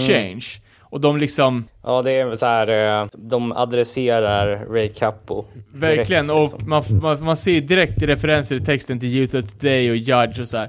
Och de säger så här i efterhand Ja. att ja, vi hade egentligen ingenting emot dem. Men vi ville bara ge dem en hard time. Okej. Jag vet inte riktigt varför, det- men jag tror att de, de störde sig jävligt mycket på, på att straight edge börjar bli lite sektbetonat. Ja, de, de verkar inte gilla det. De, de var väl själva straight edge? Ja, vissa var det i alla fall, det vet jag. Och det, står det står ju eh, även så här i deras biografi, typ att eh, the band had a messy implosion. Eh, och så hörde jag då inte intervju med, med sångaren Jason O'Toole om nu hur han slutade i bandet då, och så säger han väl typ att att han kanske, hans eh, mål med, med hela nu Carco-scenen var någonting annat än vad övriga band höll på med. Att han inte ville längre vara associera sig med sellouts, racists and junkies. Not to mention weirdo eastern cult members. eh, och den här implosionen av bandet, det var att, när han, att han fick kicken för att han drog på fiskeresa med sin farsa istället för att gå på, eller på spela eh, spelning. Men alltså de var ju kids. Alltså bara, farsan hade bjudit med mig på fiskeresa, jag fick inte säga nej. Då kunde han inte vara kvar i, i bandet liksom. Nej.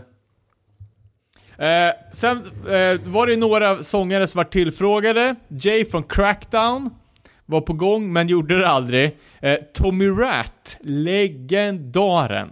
Eh, gjorde faktiskt en, sånga, en, en spelning som sångare för Life's Blood. Sen tog de ju in Sean Murphy, som eh, senare sjöng för bandet Collapse, som också var med på den här kompen. Eh, den, sista, den sista, sista svängen på, på Life's Bloods 14 månader långa karriär. 26 spelningar gjorde de. För de som vill kolla upp och köpa skivor så släppte ju Prank Records, detta jävla jättepunkbolag som fan var ju, måste ju ha varit världens största typ independent DIY-bolag där under 10 år. Eh, deras sista släpp, som tog fem år att färdigställa, var, är ju en eh, Life's Blood, tror jag en Complete Discography. Den finns att köpa. En liten snabbis på, bara på vad medlemmarna i Lifeblood gjorde sen, för det har ganska mycket att göra med framtiden för New Hardcore. Flera stycken, eller gitarristen och trummisen va, eh, bildade ju bandet Born Against. Förutom eh, band- bandet Born Against var de drivande i, i bildandet av en helt ny klubb och en helt ny scen. Eh, ja, som eh, säkert alla vet så var ju den stora live-grejen i New York på den här tiden Sunday Matinees på CBGB's. Eh, det hade ju varit svajigt ett tag. Och eh, gigsen hade blivit tillfälligt inställda i perioder. Eh, Rabies och Ray Capo hade ju börjat boka alternativa matinéer på The Pyramid Club eh, under, eh, under en, en tid. Men i november 89 så boomar de igen med hardcore för gott på CBGB's. Eh, och det här beror på Ah, det, har ju, det, det som sägs var ju att det var mycket våld och någon beskrev det som Weekly bloodbaths due to gang violence. Det var mycket Eh, och- prat om hammare alltså. Ja, precis. Att de, att de slog varandra med hammare i pitten typ. Eller utanför, eller hela tiden. Eh, och läste på ett annat ställe att det var gäng som Bash, Brooklyn Area Skinheads, Sunset Skins och även Lower East Side Crew. Hmm. Eh, hur som helst, inga mer spelningar på CBGBs från november. Då startades det upp ett nytt ställe på ett squat som kallas för ABC No Rio. Som hade funnits eh, i, i ganska många år då, men inte som spelningslokal. Och där började de köra lördagsmatinéer. Eh, men det som, det som de gjorde för att bli kvitt problemen på CBs var ju att de var tydliga med inget våld, sexism, homofobi eller macho-attityd. Eh, De hade även en policy att de inte bokar några major label-band. En policy som vissa tyckte var lite godtycklig. Eh, och det här ledde väl typ till att de befintliga, alltså de, gam, gamla New Hardcore-banden, alltså tänk Revelation-banden, Agnostic, de var inte välkomna på det bästa spelstället i New York längre. Eh, och det här skapar lite, lite dålig stämning. Eh, Born Against och Sick Overall har, har, ju ett klassiskt telefonbeef i någon, någon, eh, radio, någon radioprogram och Sick Overall skriver även eh, This is hardcore, not ABC No Rio. Eh, Men eh, venuen finns kvar än idag. De är ett av de enda ställena som kör all ages-spelningar i New York. Och 1997 så fick de köpa loss byggnaden av New York stad för en dollar. Jävlar. Bra. Bra fynd. Eh, visst är det, eh, visst är det Damma Throat som gör en Life's Blood cover också? Ja, precis. Youth and Rage. Det var i alla fall första gången jag hörde en Life's Blood-låt. Ja. Eh, också kul eh, sidospår.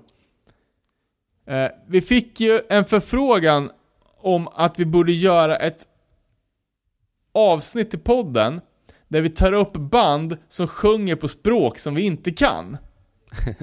Ja, det är Eh, kul. Ja, stickspåret till det, det är ju felhörningar. Ja. Man, ja du vet. Ja, som ja, klassiskt i den här låten Youth and Rage. Eh, när jag ah, in i det längsta trodde att de sjöng Straight Edge Pride. Men de sjunger To Strain and Strive. en felhörning. Så jag tänkte att vi kanske skulle kunna ha det som en stående punkt. Att folk liksom när man Får skicka in felhörningar. ja. så läser vi liksom veckans felhörningar, kanske till och med kan ljudsätta dem. Ja, det låter skitkul. Det är nog rätt mycket sånt alltså. Ja, ver- verkligen. Eh, ja men fan, vi, vi, vi, vi skiter i Bordman och eh, kör vidare. Eh, band 3 då, Outburst. Som jag och Robin såg förra året. En lite märklig men ändå jävligt bra Fan, spelning. Sa inte ni att ni inte tyckte det var så bra? Alltså, för, förväntningen var ju skyhög. Jag tror uppslutningen var det som var lite förvånande. Jag trodde att det skulle vara liksom en pylon på två, på två och en halv kilometer liksom. Mm. Men det var lite, lite ljummet och alltså det är ju gubbar som inte, de hade ju inte lirat ihop sen 89 liksom. Släppte Äh. också bara en sjua ju. Ja. Som har, är på väg att komma ut som reissue när som helst. Eh, Miles, Miles Ahead va? Eller heter det Miles to Go? Miles to Go. To go heter den. Ja. Är ju svinbra. Fan, Eh. stilbildande också alltså. Eh, verkligen. Med graffiti-logon. Eh, en av historiens eh, lökaste bandfoton. Eh, men vi, vi snackar ganska mycket om, om Outburst i... Tycker du att det, av- är, tycker du att det är så lö, lökigt? Men de ser, ser så jävla menlösa ut. Ja, de är unga. Ja. Nej, inget, inget, inget ont om dem. Eh, på Kompis så hade de en extra uppiffad inspelning av The Hard Way som de gjorde hos Don Furies, fast med AJ från Leeway som skötte inspelning och mixen så att de fick en lite mer krispigt ljud än vad som var på, på sjuan. Eh, band 4 då. Eh, från Bronx slash Staten Island. Enda bandet som jag vet är därifrån faktiskt. Eh, fan, helt, helt okej faktiskt, men det är inget band som jag liksom ver- verkligen har satt mig in och lyssnat på. Nej, inte jag heller. Eh, men det finns också Vad, en... vad har de släppt ens? Eh, jag tror de bara släppte en... Fan, kan de ha släppt två demo... De släppte två demokassetter då, men de har gjort en reissue-LP på 2000-talet. eh, med, lite live tracks och ja, demokassetterna och så här. Eh, det, det jag stör mig mest på är ju livebilden, att det är två stycken i bandet som har stickad tröja. Eh, hur, hur som helst, det, det här är lite mer old school new hardcore, typ Agnostic Front-stilen. Eh, och folk i bandet gick ju vidare till att starta lite mer, de, ja, de punkare banden, Citizens Arrest och Go bland annat. Eh, men det som var intressant är att jag läste att i en recension på en av demosarna så står det så här. Kommer snart som en sjua på ett, ett nytt bolag som vi alla know and love. Kan det vara Revelation de menar? Det lär det ju varit. Vad skulle det annars? Ja, jag vet inte. Det lät liksom som ett upplägg för, för en Revelation 7 Ja. Um, ja, right, fan. Our Gang, faktiskt bra, men eh, inget man har snöat in på för mycket. Sen var det ju Collapse då. Eh, de hade låten Failure med. Eh, och det var ju bandet med koppling till Love, Life's Blood. Eh, trummisen och då han Sean Murphy som var den sista sångaren. Eh, dessutom är det på bas Sergio Vega.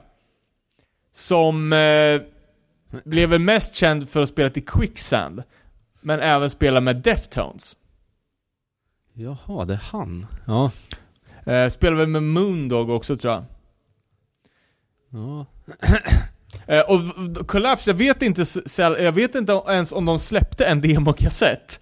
Eh, de fanns i lite mer än, än ett år och gjorde fyra eller fem spelningar. De visste inte själva. Eh, 1993 så kom det en sjua med låten från kompen plus en till och tre live tracks. Eh, mm, jävligt rockigt sound, fast ändå riktigt bra alltså.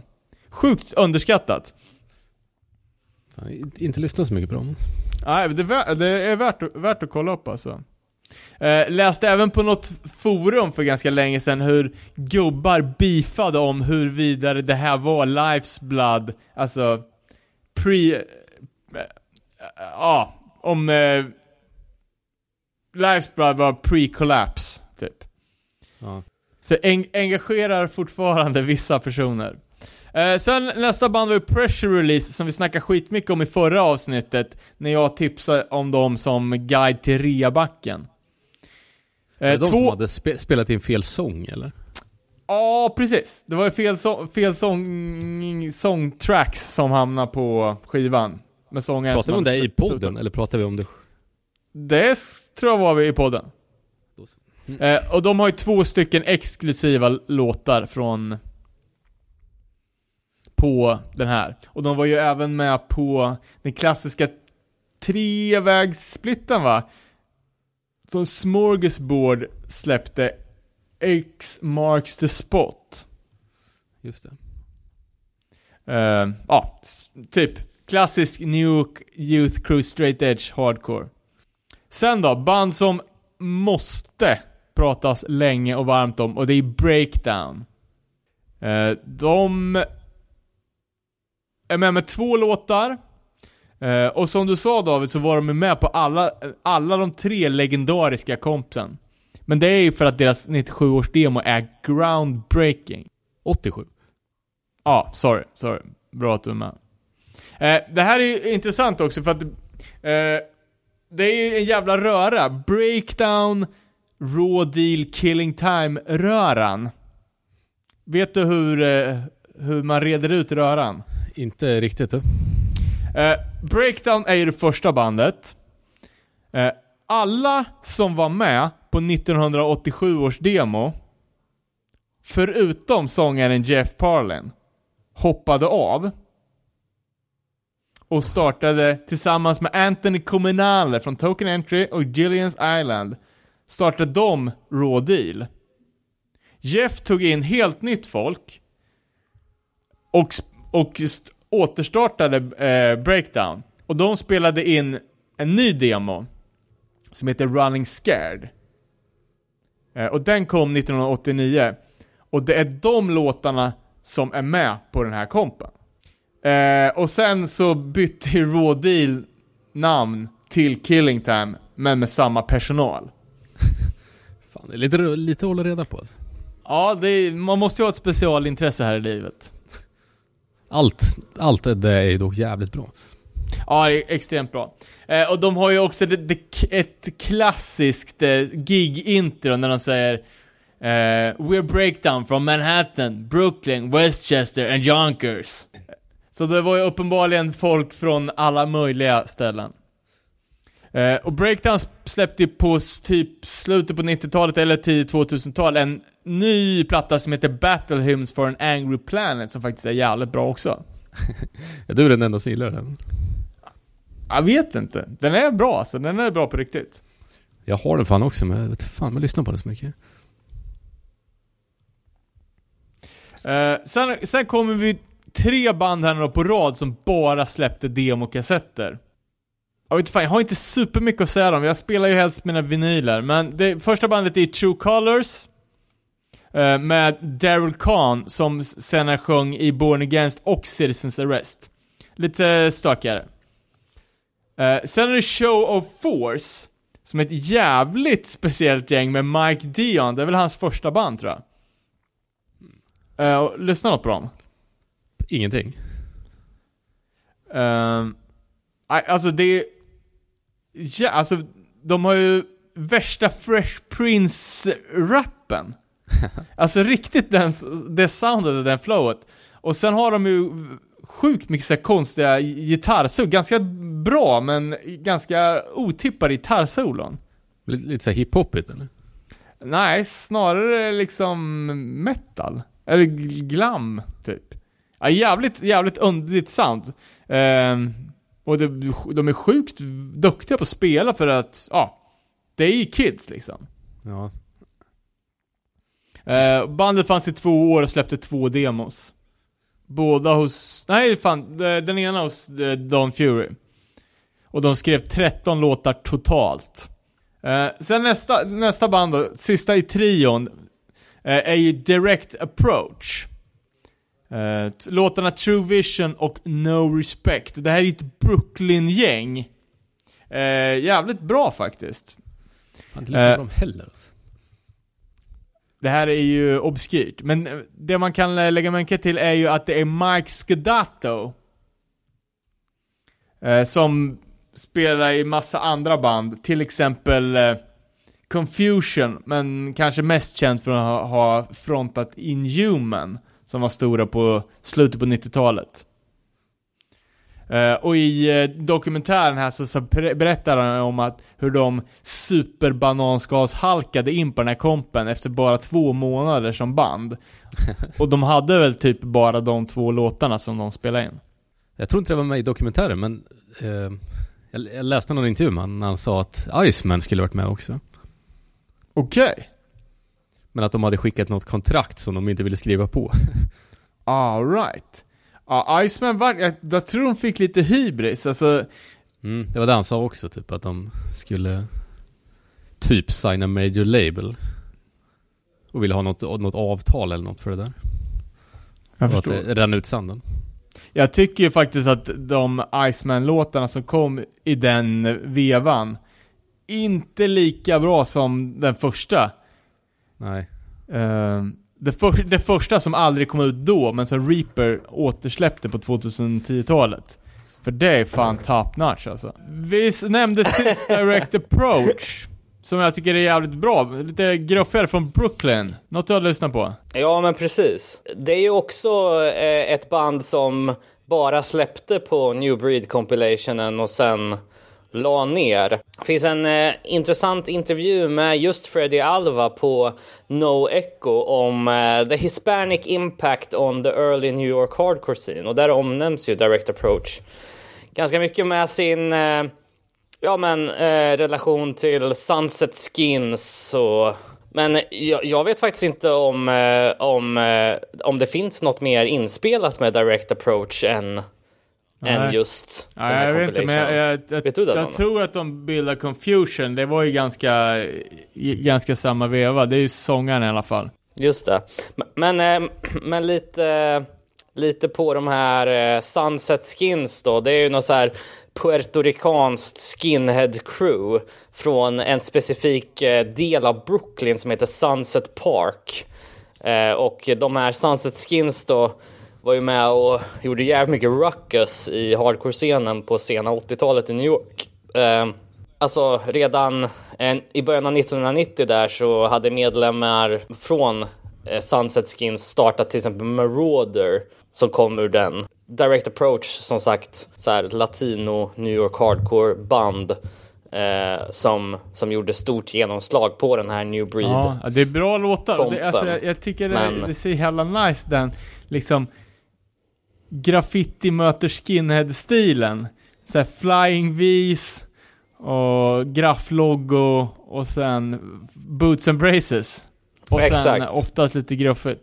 Exakt, precis. Näst, Eh, nästa band ut då, det ja. här är ju en uh, kämpe. Raw Deal. De är ju väl representerade i den här dokumentären. Eh, ja, nej men det känns som att... de- För jag har för mig att de raw deal i den här dokumentären snackar om liksom så här hårdrocksinfluenser och så. Men, eh, Jag men drog ju kan, precis jag kan ha fel också. eh, hi- historien om hur Breakdown blev Raw Deal och så vidare för David. Eh, men det är Just det. lika, lika sant som att Breakdown gjorde 1987 års viktigaste demo, så gjorde ju Raw Deal 1988 års viktigaste demo. Ja, framförallt så omformades de väl till ett av de viktigaste Ja, hardcore-banden, precis. Det är ju Time. samma, samma gäng med nytt namn bara. Och här har de ju alltså Backtrack, vilken jävla låt. Den är ju så bra så att det är helt sjukt. Eh, och Wall of Hate också som är med på, på, på demon. Ja, det är ju samma laguppställning som i Breakdown, liksom hur, hur de får till det här jävla sköna studs-riffandet. Och jag kan ju, jag kan ju teasa det från Freddy Alva-intervjun, pratar vi om, om Breakdown också, att det var ju från början menat att ingen av de etablerade New Hardcore-banden skulle vara med på kompen. Men att Breakdown var de tvungna att ta med för att de var så jävla influ- fl- inflytelserika på de andras sound. Och det är ju, alltså det är ett sound som vi märker Eh, än ja. idag som fan. Men Raw Deal, de var heller inte det- så värst akti- aktiva efter att den här Nej kom- alltså då, det var ju, demon var ju redan ute som var med på den här, så bytte de namn till Killing Time och sen släppte de ju fullängden och sen så... Ja, sen har de chillat. Eh, de gjorde ju den här Ja, Happy precis. Hour LPn som ingen är så förtjust i. Eller 12 kanske. Och sen gjorde de ju The Method som vi snackade om förra veckan som ett, ett fiasko. Ja just det, nu pratar vi om Killing Time ja, men, men jag tänkte som, eh, som Raw Deal så det känns som att det är ett namn som man har sett dyka upp på lite spelningsposters från den tiden, men eh, det var ju liksom inte, det är ju inget mer än den här demon som har Eh, jag är osäker nu på rak arm vilka komps de var med på mer faktiskt. Men eh, de, de fanns ju som raw deal en jävligt kort sväng, Mm. men de gjorde en jävligt stor imprint.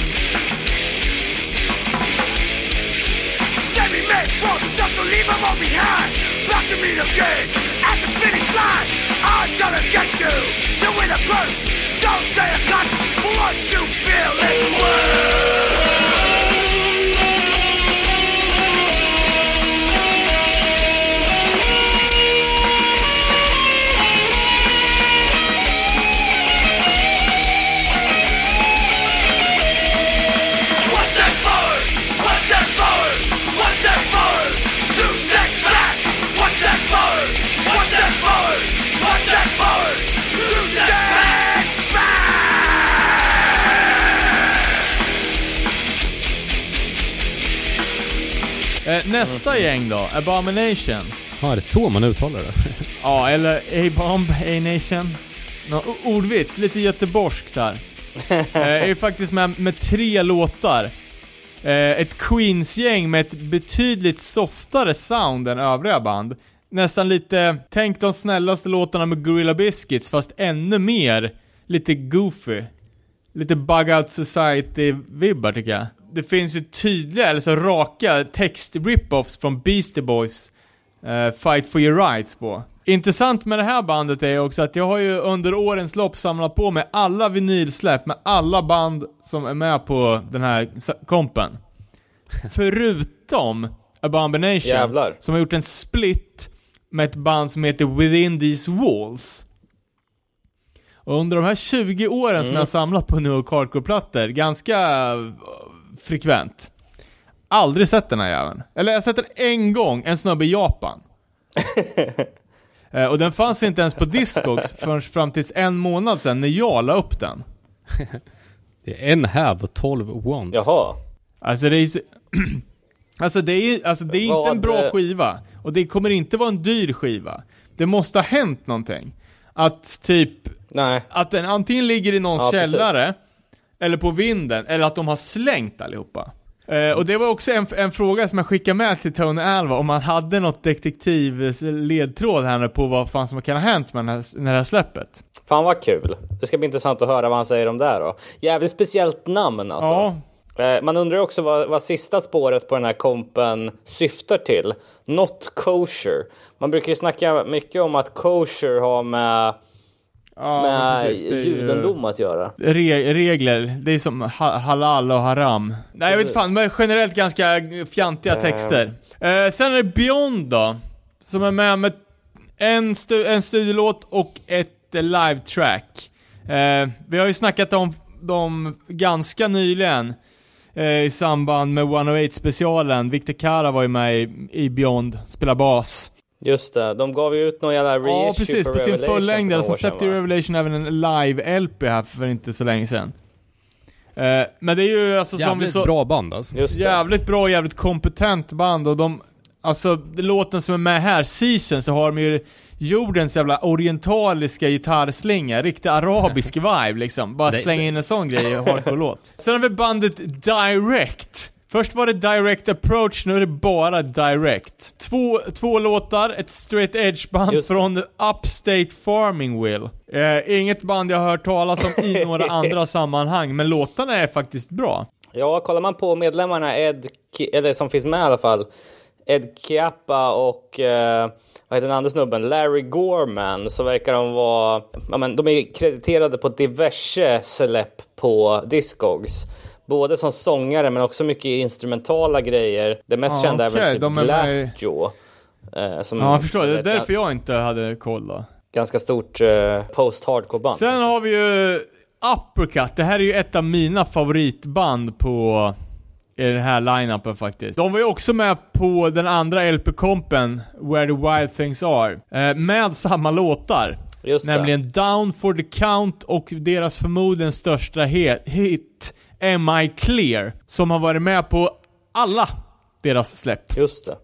Men Lars Weiss, gitarristen, spelar ju med Judge och framförallt Alone in the Crowd. Eh, sen är det ju eh, koppling Just till eh, Side by Side, Gorilla Biscuits och även han som var, för Rob som spelar trummor, han spelar även med Alone in the Crowd. Han spelar senare i Electric Frankenstein. Eh, och snubben från Breakdown, Jaha. som var intervjuad i dokumentären, spelar också med det här eh, rock'n'roll-bandet, Electric Frankenstein. Ganska otippat. Eh, men vart var vi? Och sen är det sångaren med, med det fantastiska namnet Steven L. Murphy III. Spelar inte i några andra band vad jag vet.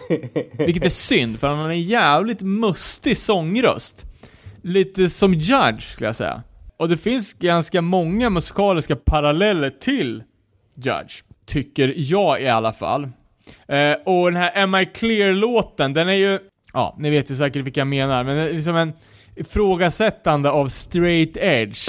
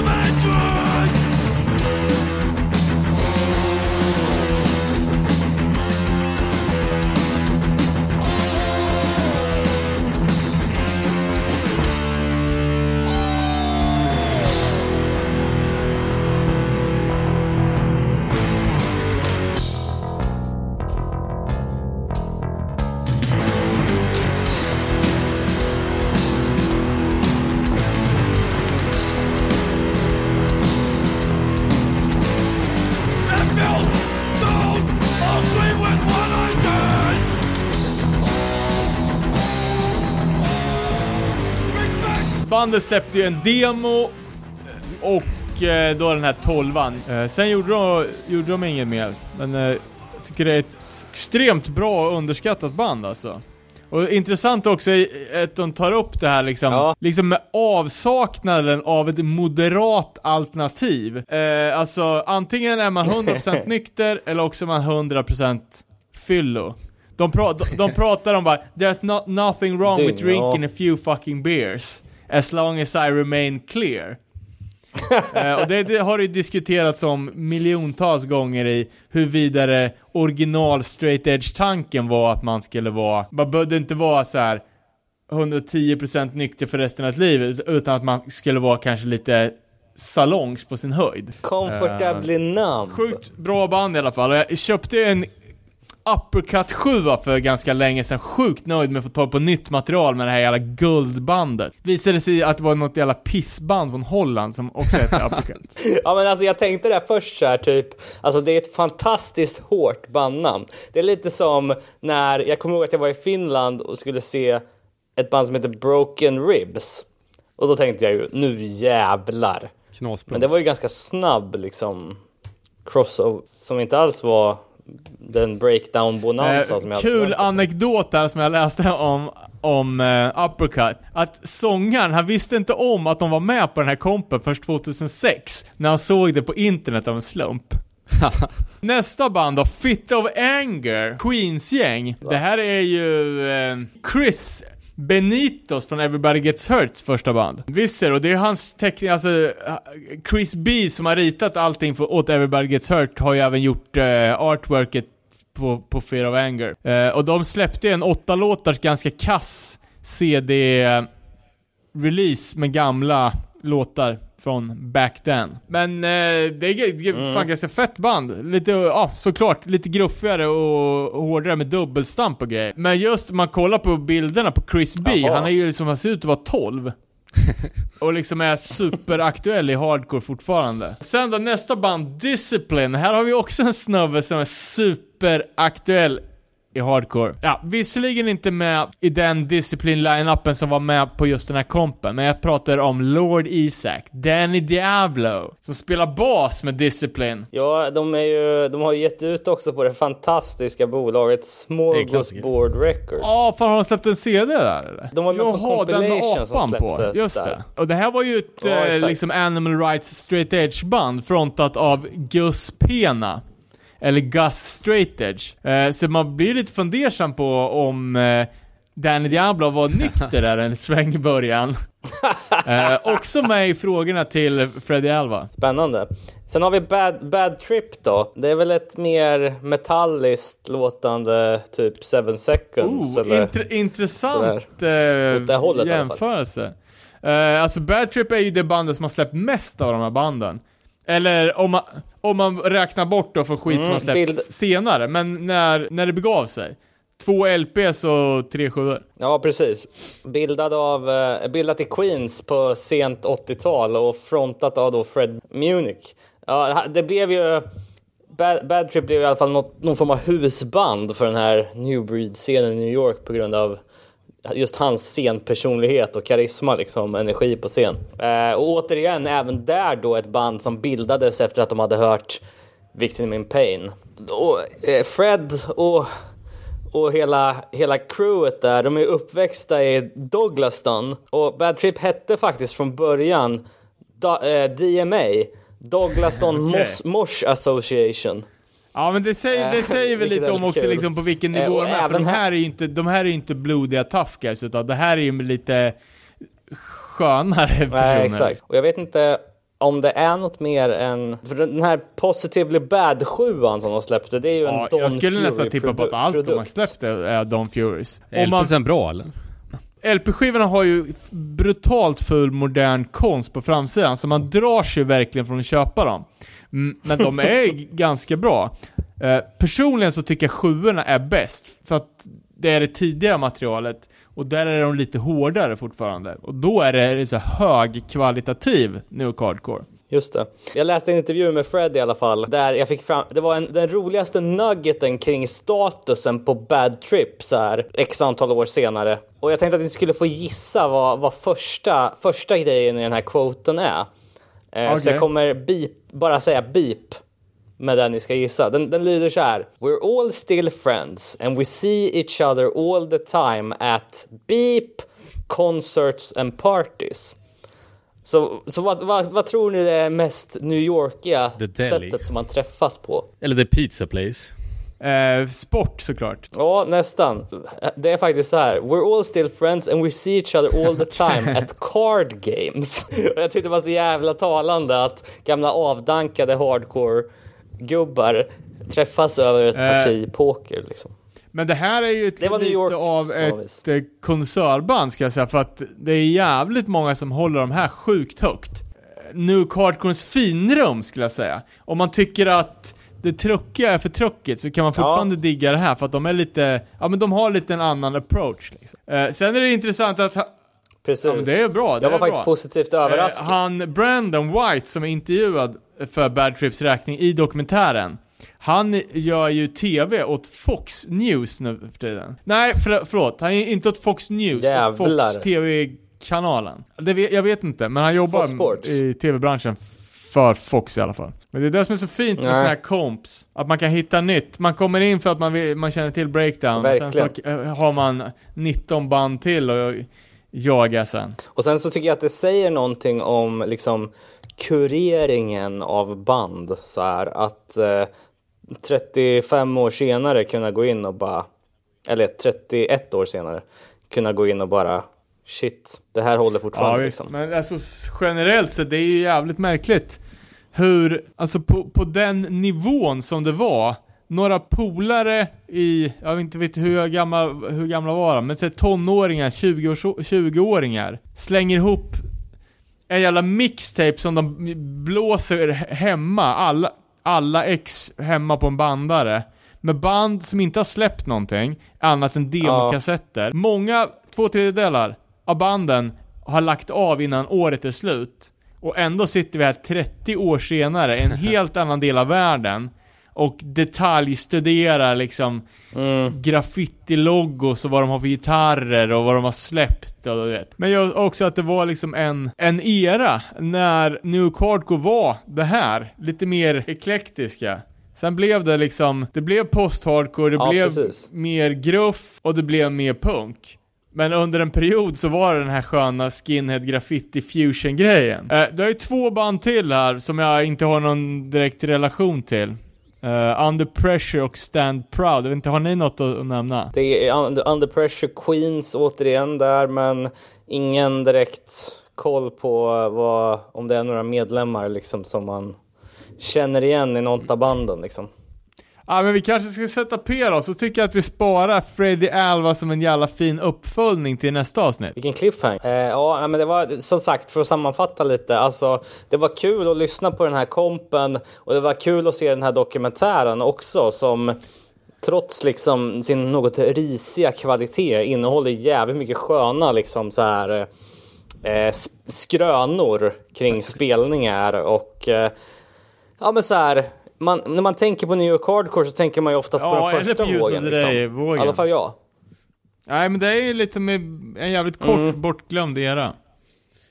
Jag vet inte om vi pratade om det, men det skulle ju fan komma en Beyond-dokumentär också. Och du sa att det fanns en Outburst-dokumentär också? Det också. Har jag inte sett. Fan, det känns som att vi kan behöva fortsätta på det här dokumentärspåret framöver. Eh, men eh, ja, ska vi, ska vi säga så då? Det var kul att, att snacka med er. Nästa gång så följer vi upp New Breed-spåret med en pinfärsk, eller Don Fury-intervju höll jag på att säga. Med en pinfärsk Freddie Ja, Alva-intervju. den, är inte, den är inte så färsk Och, eh, Den är jävligt så får vi väl färsk se. nu. Nu är den tre timmar gammal. Jag har inte, jag har inte ens... Och så får vi se vad, vad vi kan hitta på mer. Eh, men eh, som vanligt, ni får gärna mejla oss på at, eh, Nere på noll podcast på Facebook Nere på noll podcast eftersnack på Facebook. Där finns en eftersnacksgrupp som det är hög aktivitet i just nu, vilket vi i, i, verkligen gillar. Det känns som att det kommer upp extremt mycket bra grejer där. Och sen så kan ni också kolla in oss på Instagram, att nere på noll. Det var väl allt. Lev väl där Ja, ute. tack för idag hörni. Hej då! Tja!